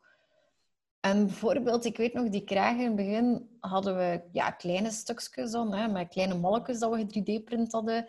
En om de duur zo ja, met lijm aan elkaar gelijmd. Maar ja, dat, na een verloop van tijd, dat valt gewoon uit elkaar en dat ziet er niet uit. En weet je, dat gaat zo wat een beetje mee. En dan begonnen we eigenlijk hè, van, oké, we hebben hier een, een kraag nodig die, rond uw, die volledig rond uw nek en rond uw borst kan maar maak daar eens een mal voor. En dan zijn we gaan kijken van, oké, wie kan dat nu? Aha, de filmindustrie. En zo zijn we eigenlijk ah, terechtgekomen bij een Belgisch bedrijf, Wolf FX, die... Um, zij maken eigenlijk, of zij zijn gespecialiseerd in, in alle props voor films. Van, van big stargates, van meters groot, tot, ja, tot dit soort dingen. En dan zijn wij met hen gaan samenwerken. En dat is ook weer super fijn, omdat dat in eerste instantie niets is waar dat aan denkt. Um, dus je dus ook inderdaad zo... Die, die zijn gespecialiseerd om, om unieke stukken te maken, eigenlijk. Ja, klopt, klopt. En die hebben dat echt super goed gedaan. Dat was echt heel fijn ook om met hun samen te werken. Ehm, en toen had ik ook allez, een eigen fulltime ingenieur in dienst. Ehm, maar ik was ook enorm veel aan het rondreizen. Dus ik hoop op termijn om nog veel meer echt met mensen of bedrijven te kunnen samenwerken. Waarin dat iedereen een Lego-blokje is van het, het kasteel dat je bouwt. Ehm, en dat dat echt iets is waarin dat iedereen, dus elk Lego-steentje vertegenwoordigt een persoon of een, een bedrijf die zijn eigen expertise heeft. En die dan in-house iets bouwt, waarbij dat we dan al de Lego-blokken om de zoveel tijd samenzetten en dan terug in, in elkaar laten vloeien. Dat is hoe ik nu wens, of op deze manier wens ik nu samen te werken. Zeker ook door, door de hele crisis. Ja, dat geeft mij gewoon ook het inzicht van, ja, ik kan hier nu niet samen, allez, heel veel mensen samenzetten. Dat mag ook gewoon niet. Dus het zou fijn zijn om op termijn zo te kunnen werken. En in de laatste samenwerking met Reconnect zitten er ook twee Japanse partners. En wacht, was dat zo'n struikelblok, Maarten? Ja, dat je pneumatica wilt gebruiken. Want oké, dan sta je daar met je siliconen kraag en je wilt dat die opblaast, want daar zit dan soft robotica en, en inflatables in. Maar dan kom je er eigenlijk achter dat qua elektronica, alles dat je kunt gebruiken, komt uit echt zo de industrie van automatisatie. Hè? En dan zijn we naar de Innovation Beurs geweest. Ik denk dat de makers onder ons dat wel gaan kennen. Dat is echt zo'n beurs waar alle grote industriëlen zijn. En dan gaan we gaan kijken bij Festo en met dit en met dat. En uiteindelijk zijn we bij SMC uitgekomen. Dat is, dat is origineel Japans, maar die zitten ook in België. Um, en, en met hun rond de tafel gaan ze van, kijk, kunnen jullie ons gewoon heel kleine pneumatica bezorgen? Want dit is de use case die we hebben. En dan, ja, dat is ook zo voor hun, huh? kleding? Wow, dat hadden we nooit gedacht. ja. Welke zot komt er nu af? Um, Nu, het, het fijne is ook wel dat... ehm, ja, nu was, dat was kei tof. eh, eh, Reconnect was af en dan hebben die dat ook meegenomen naar de beurs. Eh, en ook daar weer de reacties gaan zien van grote industriëlen die dan naar die beurs op bezoek komen en die zoiets hebben, ah, amai, je kunt met die pneumatica dus ook dat soort Dat dingen vind ik doen. ook een goede demo. Hè. Ja, voilà. Inderdaad, klopt. Eh, en binnenkort trouwens komt het in... Blijkbaar is er dus een technologisch vakblad dat Automation heet. Hm. Ik weet niet, zijn jullie daarop geabonneerd? Of kennen jullie dat? Maar ik, ja, wel, ik ken het wel, maar ik ben er niet op geabonneerd. Ja, dus ook een super, super tof tijdschrift. Ik wist, ik wist ook niet tot voor kort dat dat bestond. Ehm, en eind, voor eind het jaar verschijnt er ook een artikel over dit. Eh, ja, dus ja, dat is, zo, dat, is, dat is zo nog iets anders waar dat je dan tegen botst. hè. Dat je, zo, dat je technologie nodig hebt die totaal niet gemaakt is voor kleding. Of die niet klein genoeg is. Eigenlijk is dat zo met bijna alle ja, technologie. Maar ja, dat is wel tof dat dat de uitdaging is, want dat is wel iets wat, dat, wat dat heel veel mensen die eh, ja, makers bindt, is, ah ja, dat gaat niet. Wel, we gaan nog wel een keer proberen en zien hoe dat niet gaat. Ja, klopt. Exact. Dat is waar. Ja. En dat was het leuke ook eh, om met de masterstudent Junu samen te werken. Hè. Ehm, van Maarten is... hè, Mindlight op zich was volledig af. Ehm, maar met Yunus zijn we echt gaan kijken, oké, hoe kunnen we daar nu echt volledig personalized PCB's in gaan steken? En kunnen we dat nog fancier, nog kleiner? Wat kunnen we daar nog mee doen? Ah, kom, we gaan daar een SP32 in steken. Ah, we kunnen dat dan... We kunnen dan onze hersengolven ook verder gaan linken aan Philips Hue lights of, of aan eh, Maarten zijn robot binnenkort. Dus ja. Ja, dat je zo eigenlijk ook elk stuk, hoe oud dat, dat ook is, dat je dat elk jaar bij manier van spreken kunt herzien. Eigenlijk dat je met je auto op onderuit gaat. En dat je zegt, oké, welke nieuwe technologieën zijn er? Hoe kunnen we dat gaan upgraden? ja. Dat je eigenlijk een soort, soort, eh, dat je een soort protocol maakt, dat je een, een, een computerversie maakt van de, de, de emotie of de, de state waarin dat iemand is. En dat je dan eigenlijk inderdaad alle andere devices daarop kunt inpluggen en dat die Ja. snappen, ah ja, dus hij is nu boos, oké, dan Ja. ga ik nu rood, of dan ga ik nu de temperatuur lager zetten, of dan ga Ja. ik nu het koffiemachine aanzetten, of ah ja, nu Yep. wordt er een, eh, een massage of whatever. eh, Ja, Exact. Of rustige muziek, ja. Spotify Ja. verandert van muziek. Er komt zo'n robotje aange, aangerold met zo'n pintje dat hij uitschenkt van hier, drink. Maar- maar- Dat, dat, dat, klinkt, dat, klinkt, dat klinkt misschien heel stom, maar zo, wacht, van de week was er zo heel de tijd op Radio 1 zo eh, reclame voor BMW of Mercedes, ik weet het allemaal niet meer. Maar één dat zo via voice controls tegen een auto aan het zeggen was van ja, zet de massagezetels maar aan, want ik heb het nodig. Dus die stap zou je dan kunnen overslaan eigenlijk. Dat je Ja, na een slechte exact. vergadering in een auto stapt en dat die Ja. auto volledig een kokonneke wordt voor u van Ja. dit heb je nodig. En Voilà. Ja, want voice control heeft...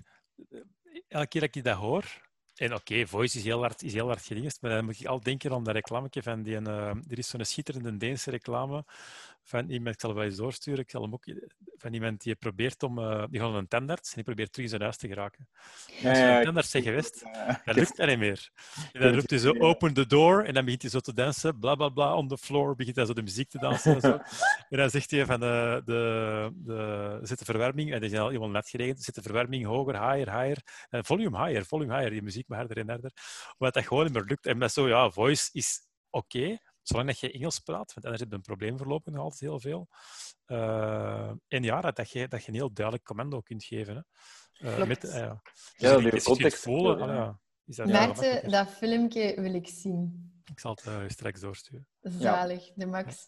Ja, Maar, ja, het is, het is meer zo van... Hoe ho, ho, ogen de door. Ja, en dan Ja. ja. die andere dingen Ja, natuurlijk. ik wou, ik wou het niet helemaal nadoen. Ik had zoiets van, Ja, even mijn dignity hier nog een beetje bewaren. ik zal het Ja, morgen wat- eens vragen aan mijn verloofde, want die moet morgen naar de tandarts. Ah ja, voilà. Wel, laat je even eerst ik- een, een bepaald commando geven. En, Ja. Een commando dat hem absoluut wilt kunnen bij u bijvoorbeeld. En dan daarna moet hij dat terug doen en dan voilà. gaat dat niet meer lukken. Mag je niet meer binnen? Kan er niet meer binnen, het een pech. Hilarisch. Maar ehm, Kurt, om even zo in te tappen op het autoverhaal. Ehm, op een bepaald moment werd ik uitgenodigd, uitgenodigd door Volkswagen in India om samen met hun hun nieuwe Volkswagen Passat te gaan launchen in New Delhi. En daar hebben wij dat toen ook al verteld van kijk, hè, misschien kunnen we binnenkort ook de kleur van onze auto gewoon veranderen. Want dat is toch ook raar dat onze auto maar één kleur heeft en dat je dat dan zo aan het begin, als je die gaat bestellen, dat je dat kleur moet kiezen en, eh, en dat je dat niet meer verandert.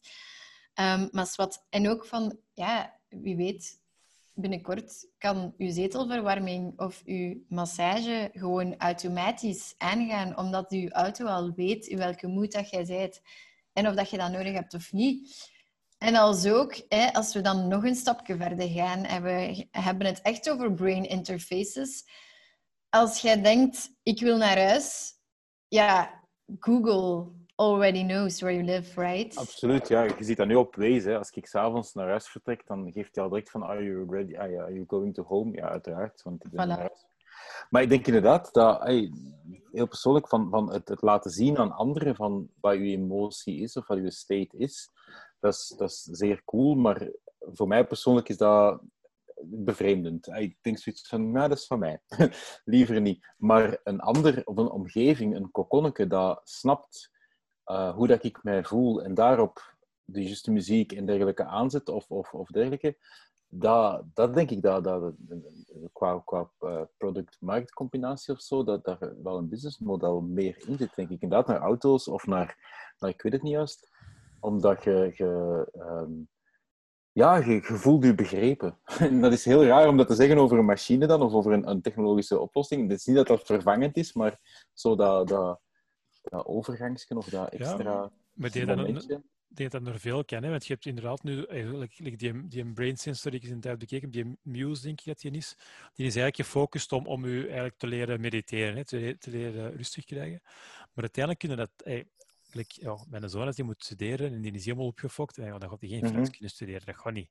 Die moet ergens, en dan heb ons nodig op dat moment om te zeggen, maar nee, word rustig, maar meer dat je zegt, word rustig, hoe hoe weviger die wordt uiteraard. Dus als je dan zoiets kunt hebben, dat eigenlijk automatisch weet van, oké, nu is mijn taak om rustig te worden, om rustig te kunnen studeren bijvoorbeeld. Dat, dat, ja, dat is, ik zie er, er zie wel heel veel toepassingen in. Ja, wel, ik heb nu gemerkt, Maarten, uh, gelijk Mary Connect, dat gewoon met u meeademt, dat is gewoon uw buddy, hè. Ja. Mm. Kleding kan gewoon uw beste vriend zijn die u helpt wanneer dat je het nodig hebt. En die dat liefst ook nog weet voordat jij het echt doorhebt. Want allee, ik merk ook zo, als ik te veel koffie drink, dan ben ik, voordat ik het weet, ook zo helemaal zo hyper. Ja. Hyperactief. En dan denk ik, oh shit, ja, ik heb te veel koffie gedronken. Maar, maar wat dat je nu zegt, van inderdaad, die het doorheeft voordat jij het doorheeft, daar zit ook een heel interessante use Ja. case in. Want bijvoorbeeld, ehm, ja, Maarten, je kent ook een, een vriendin van ons, die ehm, mensen met autisme bijvoorbeeld, die dat niet, niet op tijd doorhebben wanneer hun emmer vol is. Ja. Wanneer dat ze erover gegaan zijn. En er zijn wel uitwendige sensoren dat dat kunnen meten. Hè. Waarschijnlijk brainwaves, waarschijnlijk um, vochtsensoren op de huid of zoiets. Als die al op een manier feedback zouden kunnen geven aan die persoon van oh, pas op, je bent erover aan het gaan. En misschien al een eerste feedback geven om rustige muziek of zo op te zetten. Ik denk dat daar, dat daar wel, zelfs voor een breder, dat hoeven niet alleen mensen op spectrum te zijn of zo, maar gewoon voor een bredere doelgroep, dat daar wel interessante toepassingen Hallo. zijn hoor. Maar, daar zit ik nu in een super interessant onderzoeksproject. Dat heet uh, Nudgeit. En dat gaat eigenlijk over het uh, nudgen, maar nudgen just in time. En dat gaat eigenlijk over welke sensoren kunnen we gebruiken. Om, en je hebt zo veel apps al en, en, en, dingen die zo nudgen. Hè, van, zouden niet nog iets bewegen? Zouden nog iets niet... Dat, en dan Ah. zit in, zitten in, in, uh, in een vliegtuig bij wijze van spreken. Hij van, zouden iets niet bewegen? Ja, dat gaat hier niet. Hè. uh, in de vergadering gebruik je dat wel. Als je na een uur zegt, mijn horloge van je moet bewegen, dan begin ik daar zo rond. Oh, sorry, man, ik moet bewegen. Uh, maar die een, uh, het gaat niet alleen over dat, maar het gaat ook over andere. Die, uiteindelijk zijn het allemaal uh, nudges die vooraf geprogrammeerd zijn en die geen rekening houden met de emotionele staat van die persoon. Wat die persoon mooi is bijvoorbeeld. Even een onderzoeksaspect is, is fatigue, is vermoeidheid. Als iemand vermoeid is, gaat er andere manieren van nudges geven dan dat je dat niet doet, bijvoorbeeld. Dus eigenlijk daarvan kijken welke sensoren we nodig om die nudge te gaan verbeteren. En dan die persoon kan die nudges wel aanvaarden of niet, om daar dan ook van te leren hoe moeten we onze nudges gaan aanpassen op basis van hoe dat die persoon erop uh, op, op, uh, Ja. op Super interessant theoretisch, redelijk moeilijk om praktisch uit te werken. Mijn droom, Maarten, is dat we gewoon een self-learning chip hebben in onze huid, op onze huid, in onze kleding, waarin dat ik al mijn data kan verzamelen, zowel van rondom mij, van de World Wide Web en van mezelf. En daar kun je enorm veel labels aan hangen. En die self-learning chip die is ook belangrijk om inderdaad de dingen te gaan voorspellen. Bijvoorbeeld, ik moet straks een podcastopname doen. Dat staat in mijn Google Calendar. Mijn kledingstuk weet al uit vorige ervaringen dat ik dan eigenlijk gestresseerd word. Dus wat ga ik doen? Mijn kledingstuk gaat mij al op voorhand een nekmassage geven, ga wel lavendelgeur verspreiden rondom mij, zodanig dat ik gewoon heel kalm blijf en lekker mezelf ben. Of die gaat mijn vriendje een alarmje sturen van zeg, geeft hij straks nog eens een dikke knuffel voordat hij vertrekt. Dus dat is echt mijn droom en dat we dat kunnen vergelijken. En ook dat hij gewoon constant leert, omdat, ja, inderdaad, ehm, ja, wie weet werkt bij mij een massage en lavendelgeur en maakt dat u juist helemaal krank en helemaal zot. Dus dat is echt mijn droom, dat we zo een mega intelligent kledingstuk hebben die dat gewoon volledig embraced en uw, uw, echt uw body. Ja, absoluut mee eens. Alleen mag dat niet uh, het menselijke aspect vervangen natuurlijk. Nee, dat klopt. Want, want dat, is het, dat is altijd het gevaar daarin natuurlijk. Ik blijf positief tegenover nieuwe technologieën uiteraard, maar ja, je, ja er, zit, er schuilt een zeker gevaar in, vind ik. Of, of, of vind je dat niet? Ik vind dat niet eigenlijk, Kurt. Weet je waarom? Ik vind dat we nu ook tijdens de corona gezien hebben het volgende. Wij als mens zijn socialer dan ooit tevoren. Hè? Want we hebben social media, we zijn constant online. Maar meer dan ooit tevoren hebben we nood om mensen fysiek te zien en om fysiek te knuffelen. Dus dat gaat altijd zo blijven. Ja, misschien. Ah, hopelijk, ja, absoluut. Ja, ik denk dat dat gewoon moet... Eh, moet hey. Ik denk... Toevallig er juist op Twitter ook iemand die, die tweette van... Uh, ja, ik ben zo moe dat ik niet meer voel dat ik eigenlijk kei moe ben. Ja. Ik zeg van, weet je, laat je gewoon, laat je zelf even crashen om dan terug rustig op te bouwen. Uh, want je hebt dat nodig. Je hebt af en toe de nood om even, omdat wij soms zo veel te veel zijn worden daar met zo'n vliegtuigje dat zo continu zo hopte van de grond. Zo. Ja. Ik zeg ja, dat is geen dat wij heel veel te veel doen. Ja. En ik denk dat je op dit moment er soms ook eh, als technologie kan helpen om dat te voorkomen door je op tijd wel even aan de grond te houden. Of mm net te zeggen van nu kun, eh, om daar eens te begeleiden. Daar geloof ik heel hard in. Hè? Ja, daar geloof ik heel hard in, inderdaad. Van technologie dat u helpt om jezelf te snappen. Ja, ik, ik vind dat heel mooi wat je zegt, Maarten. Omdat ehm, ik had het er gisteren ook nog over met mijn verloofde. Want die stond ook zo even op het punt om te crashen. Omdat hij gewoon veel te hard gewerkt heeft de laatste tijd. En hij zei, ja, kijk, weet je, eigenlijk zouden wij het meer moeten zien als het leven is een marathon. En wat dat wij nu vaak doen is, door de maatschappij, is wij trekken constant sprintjes. En dan moeten we weer even rusten, want we zijn moe. En nog en het volgende sprintje en het volgende. Terwijl als je je eigen tempo vindt waarop dat je kunt joggen en dat je een marathon kunt uitlopen en dan daar veel voldoening van haalt, ja, dat is veel interessanter. En dan het tweede dat daaraan gekoppeld is, is dat ja, wij zijn mensen, dus wij hebben emoties.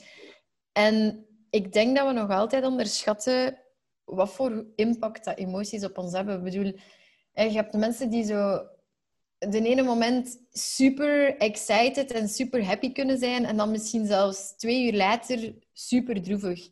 En als je heel erg schommelt tussen hoogtes en laagtes, dan ja, daar zit ontzettend veel energie in en daar gaat ontzettend veel energie naartoe. Dus je kunt daar ook echt exhausted van zijn. Dus in het leven is het ook zo, die balans vinden voor jezelf. Ja, ik denk voilà, dat je inderdaad systemen kunt, kunt maken die je daar een beetje in kunnen helpen. Ik denk dat dat gewoon heel, uh, heel belangrijk is. Maar ik denk, stukje inderdaad gewoon die, die, die emotie, om, om gewoon te voelen van wanneer is nodig. Aan de andere kant heb ook zo... Uh, ja, heel veel mensen leggen zich ook gewoon keihard druk op, hè. zeker nu. Ik bedoel, ja. Uh, ik ben nu ook terug, terug ontwerken thuis met een, een, een, dochter die thuis zit, want die moet twee weken in quarantaine, want er, uh, haar uh, zorggif was, was positief. Ah. en gewoon zo, ja, heel veel mensen weten dat van de vorige lockdown, dat thuiswerken met kinderen dat niet evident is. Mm -hmm. En de collega van mij, die was er, die was er echt, ja, die was er, die zei ook via de, via de chat aan, want ik ben er onderdoor ontgaan. En uh, ik zeg van ja, aanvaard gewoon dat niet alles af kan. Als je gewoon ja. aanvaardt dat het niet altijd haalbaar is om alle deadlines te halen. Dat heeft, toen ik, op het moment dat ik dat in mij heb doorgeprint, van af en toe lukt dat niet om alles af te krijgen, heeft dat, heeft dat zo'n rust gegeven. Ik bedoel, ik combineer verschillende jobs. Ik kan alleen maar dat door te doen door te aanvaarden dat het niet altijd gaat om alles te combineren. En vanaf Ja. je dat doet, word je veel rustiger. En bizarre doe je veel meer. Dus Ja, ja, dat dat klopt. Ja. Ja, Maarten, dat, ja. dat, is, dat is waar. Ik, ik, denk, ik ben ook al een paar keer keihard met mijn Ja. gezicht tegen de muur gelopen op dat vlak. Dus eigenlijk makkelijk jij die technologie gewoon voor je eigen. Ja, tuurlijk. Dat is ook zo. Dus, hoe hoe zou ik het beter kunnen maken dan dat eigenlijk een, een zelfreflectie is? Want ja, als je het allemaal zelf doorvoeld en doorleefd hebt, dan weet je des te beter dat je het nodig hebt. Hè? Dat is waar, want eigenlijk ging ja. die podcast, de eerste ging in december of in januari zijn. Hè? En dat is eh, inderdaad toen eh, ook even uitgesteld moeten worden om medische reden, nee, om, om gezondheidsreden. Ja, dat klopt. Dan eh, heb ik eh, grappig genoeg misschien met wat dat ik doe. Ik heb ehm, een ontsteking gehad in mijn hersenen. Oei. Eh, ja, en dat is echt heel pijnlijk. Ze noemen dat een nervus trigeminus. Excuseer. En ehm, ja, dat wordt ook wel de suïcidale ziekte genoemd. Ah, echt? Ja. Dus, Oei, ehm, dat klinkt eh, zeer... eh, Ja, dus ehm, mijn dokter wist mij te vertellen dat dat ehm, de ziekte is die de meeste zelfmoorden tot gevolg heeft. Ah, oké. En eh, ik, ik kon dat eigenlijk ook wel begrijpen, maar je moet dat zelf dus meemaken voordat je Ja, echt tuurlijk, snapt wat dat, dat is. En heb jij...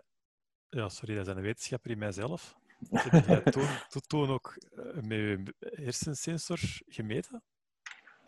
Nee, ik heb dat niet gedaan. Dat was echt zo pijnlijk. Allee, ja, Ja. ik, ik kon echt zo... ik had niet Nee, nog zo iets extra op mijn kop nodig. Nee, dat heb ik niet gedaan. Ja, het zou kunnen dat je, je moonlight dan helemaal anders zou, eh, zou kleuren. Ah Ja, sowieso gaat het heel anders zijn, want je voelt je slecht en je hebt pijn Ja. en zo verder. Dus dat is sowieso al helemaal anders natuurlijk. Ja, klopt. Nee, maar wat je er juist zei trouwens, eh, om even terug te gaan het vorige stukje van die, eh, die, die chips eh, die dan alles eh, gaan bijhouden. Eh, Dat is de reden dat ik u met Steve Latree had gekoppeld, eh, met die met die neuromorphic computing bezig is, eh, waar ze inderdaad bezig zijn met hoe kunnen we al die AI niet in de cloud gaan doen, maar hoe kunnen we dat zoveel mogelijk on-body gaan, eh, vlakbij eh, de persoon gaan doen, waar we die sensordata eigenlijk hebben, met dan die eh, spiking neural networks eh, en dat soort zaken, om eigenlijk ja, veel gecontroleerder al te gaan meten. Dus als dat, als dat ooit allemaal samenkomt en dat werkt, denk ik wel dat er supercoole dingen kunnen. Maar het zalige is dat, dat is toch. Allee, het is toch super zalig om dat gewoon als levensdoel te stellen. Allee, ik ben nog zeven, ik ben 27 jaar, dat moet toch lukken voordat ik doodga? Ja, absoluut. Heel, Ja. heel, heel, heel Ja. graag. Ja. Ja, Of zelfs nog verder, hè? Want, want op zich, ik was er net ook aan het denken, zo bij, ehm, want hetgeen wat dat je, zwart, we weten niet 100% hoe dat de hersenen werken nog niet, maar dat, eh, het feit dat je dat je, je in, een bepaald, in een bepaalde staat voelt, is het gevolg van wat dat er intern mogelijk aan, aan hormonen of aan, aan, aan, aan cellen of aan moleculen in je bloed aan het rondlopen zijn. Ehm, en bijvoorbeeld ja, rondlopen, rondstromen zijn. met te veel ehm, referentie, de referentie eh, serie. Ja, dat zo met die witte dokter met zijn antennetjes en zo. Die zo, dat, eh, die zo in de bloedvaten kruipen. en Ja. Oh, dat is zo de max. Oh, dat is Ja. Dat is echt zo zalig. En dankzij VR kunnen we dat nu echt doen, hè? Dat is waar. ja, Dat is zo cool. dat is, zo, ja dat, is, dat is heel oud, dat is van eh, lang geleden. Ja. Maar dus, wat ik, kan, wat ik wou zeggen is dat ehm, bijvoorbeeld IMEC is bezig met chips te ontwikkelen en met sensoren ook aan het ontwikkelen, die dat die dat in je lichaam zitten. En die dat eigenlijk nog veel sneller gaan detecteren hoe dat je je gaat voelen.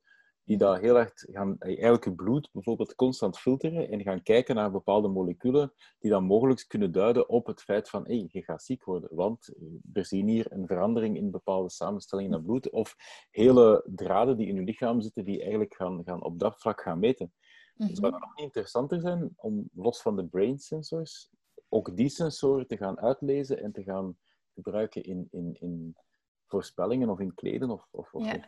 Wel, twee dingen. Ja, sowieso. En dat is eigenlijk ook wat dat Maarten en zijn doctoraatstudent nu aan het doen is. En wat we gaan koppelen met ons nieuw project Opera on Brainwaves. En daar heb ik veel goesting in. ik wou dat we daar gisteren al mee begonnen waren, maar we moeten een beetje geduld hebben.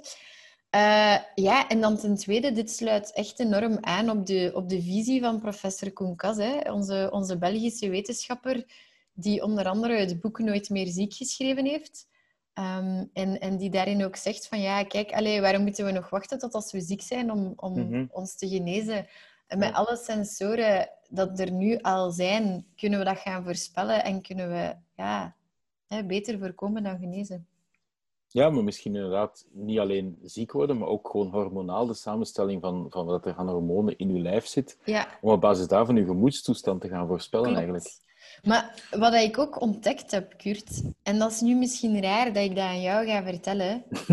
Oei. ehm, En, en, aan een, en aan een 2000 luisteraars. Ja, en aan alle luisteraars. Maar laten we vooral delen. Laten we vooral onze kennis delen. En laten we vooral alle taboe doorbreken. Want weet er is gewoon genoeg taboe. En ehm, juist daarom dat het je de moment is om dat wel te delen, is onze hormonen zijn zo complex en zo ingewikkeld. Om u nog maar een voorbeeld te geven, ik kwam er dus achter. ehm, wanneer ben ik daarachter gekomen? Terwijl zo in de middle of, of reconnect dat dan af moest zijn, ehm, zag ik eigenlijk dat er een onderzoek was over anticonceptie in het brein.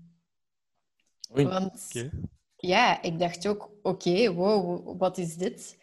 En blijkt dus ehm, dat, ja, dus alle vrouwen onder jullie, dat de anticonceptie en het brein wordt vergeleken met als, hè, als je de pil neemt, is het, vergelijken wetenschappers dat als met, ehm, we gooien een bom op een huis om een kaarsje te Mm. doven.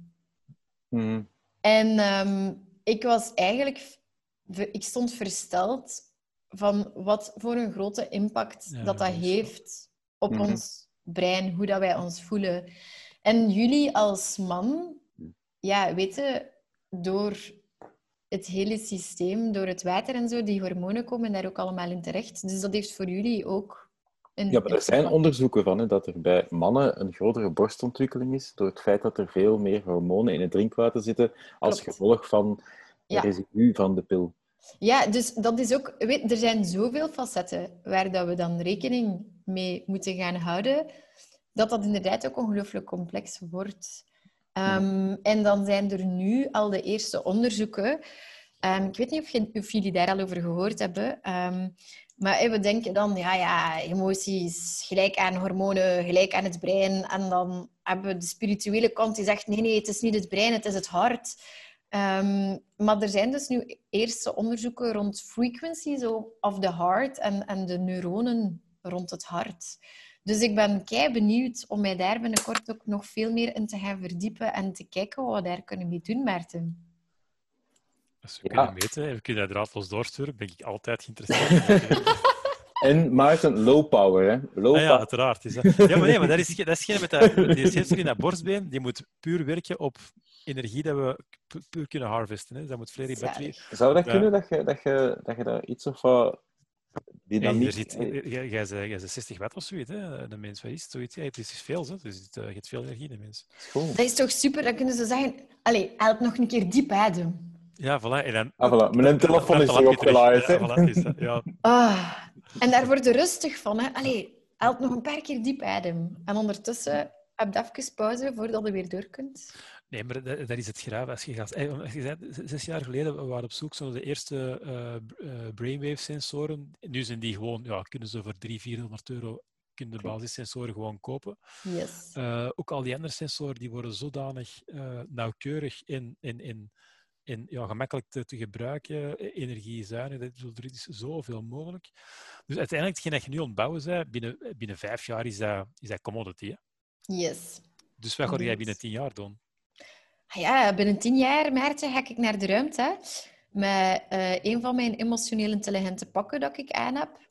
En dan hebben we een paar van die pakken hier op aarde, zodanig dat het team en de mensen hier op aarde kunnen ervaren wat dat is om door de ruimte te reizen. Of, of aan de aliens, hè? misschien dat die dat dan wel snappen. Ja, inderdaad. Dat zou wel heel fijn zijn dat ik dan op die manier eigenlijk kan communiceren met uh, buitenaardse wezens. Mhm. Ja. Want ja, die gaan Nederlands of Engels of Chinees, die gaan dat niet begrijpen. Hè? Dat... Nee, nee, nee. Ik, ik zag je een tijd geleden uh, ook op Instagram in een of andere futuristische wagen rondrijden. Um, uh, dat was de Max. dat zal wel. En, uh, de DeLorean. Ja, inderdaad. Jij past toch perfect mee al je verhaal. Zo in eigenlijk past jij toch perfect in een futuristische film van de jaren 90. Zo. Jij toch perfect in gepast, niet? Ja, ja die, die auto is ook zo vanuit de Back to the Future Ah ja, film. Ja, hè. ja. Ja, dat was, dat was echt al superwijs. En ook gewoon, ja, kijk, dat is ik ben dan een vrouw, maar zo, wat er in die auto zit en Ja, het feit dat die een auto zo, eh, allee, je ziet zo, ja, dat was ik weet niet hoe wijs. En het geluid dat die in een auto maakt en daarin zitten, hoe eigenlijk daarin die een auto zitten was nog, nog veel leuker dan die een fotoshoot doen. Is, is er Ehm. ergens on- online te, vinden ook? Want ik denk voor alle makers is was die auto wel ook wel... eh, Ja, die een auto is echt must, must Ja. see. Ehm, de foto's... Een echte DeLorean, of wat? ja, en een Back echte to the DeLorean. Future. Ja. Was hem getuned, of was het? Ehm, wel, ze hebben die volledig uit elkaar gehaald en volledig terug heropgebouwd uit de originele stukken.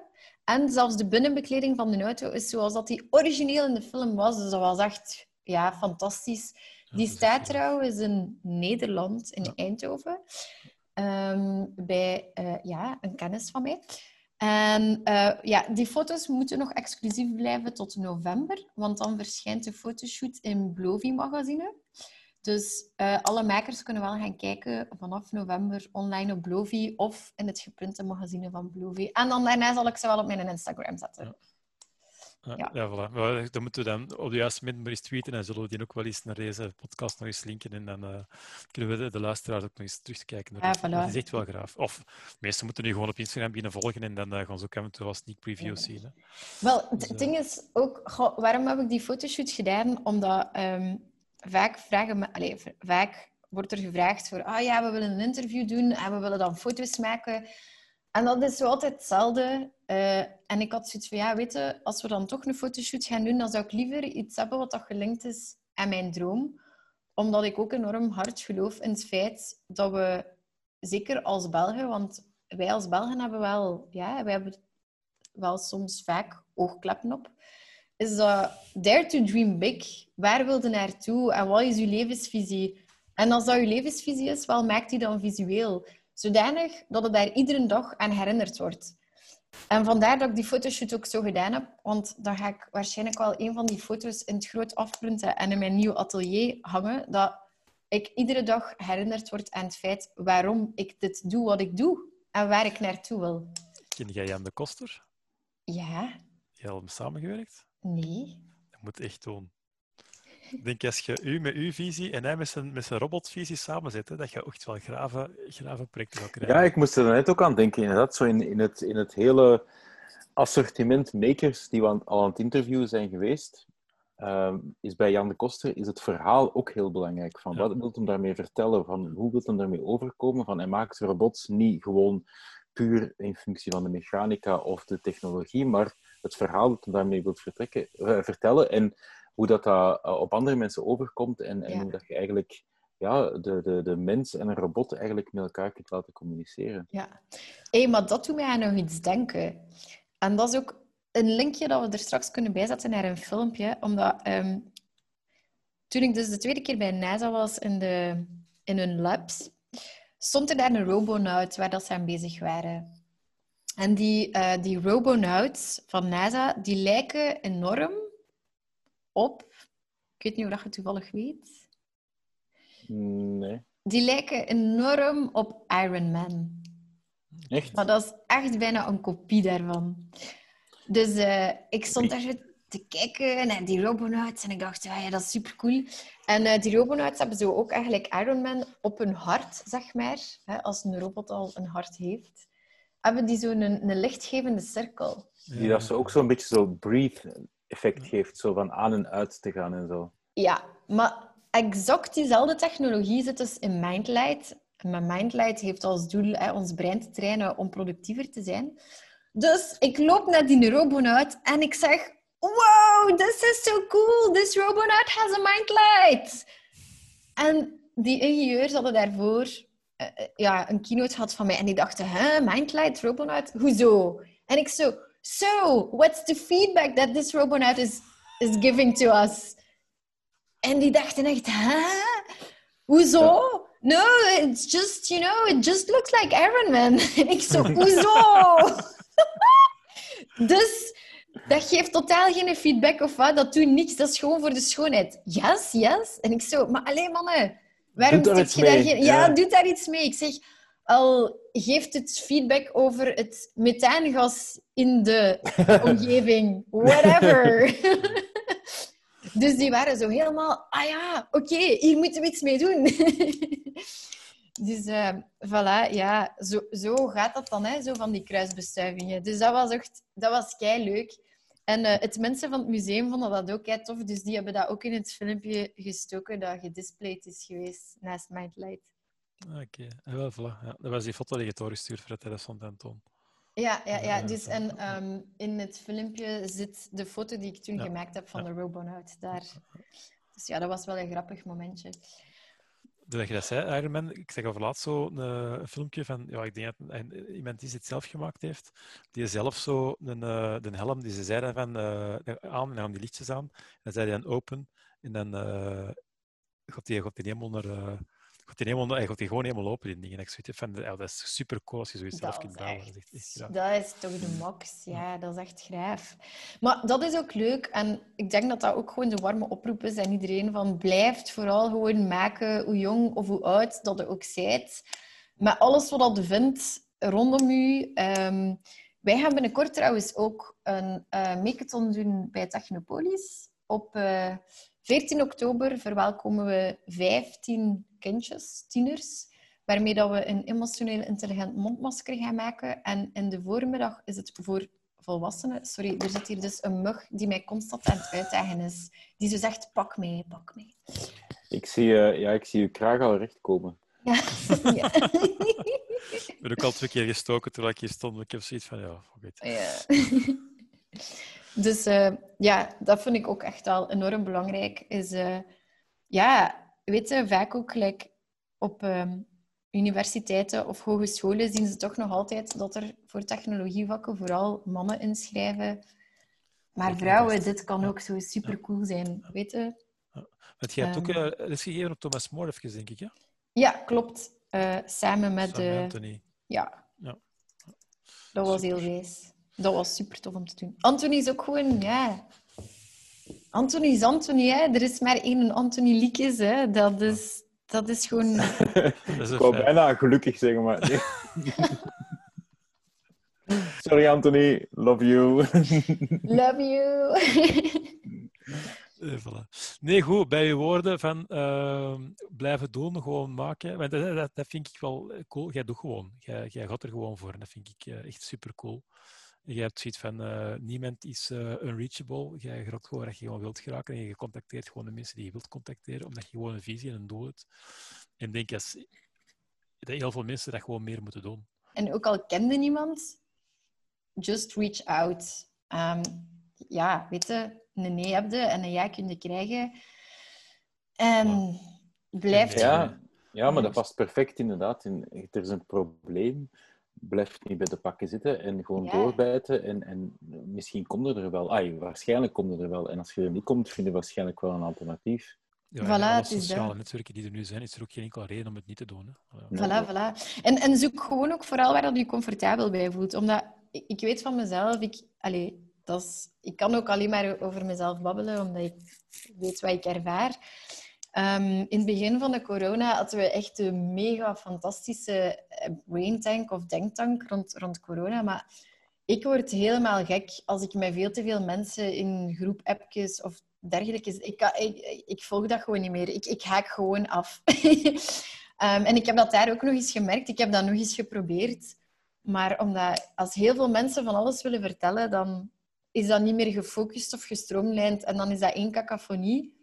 Terwijl dat, voor mij werkt het beter om, ja, om gewoon met bepaalde mensen rond de tafel te zitten en daar dan volledig mee ervoor te gaan, dan dat iedereen tegelijk iets wil, wil doen of iets wil zeggen.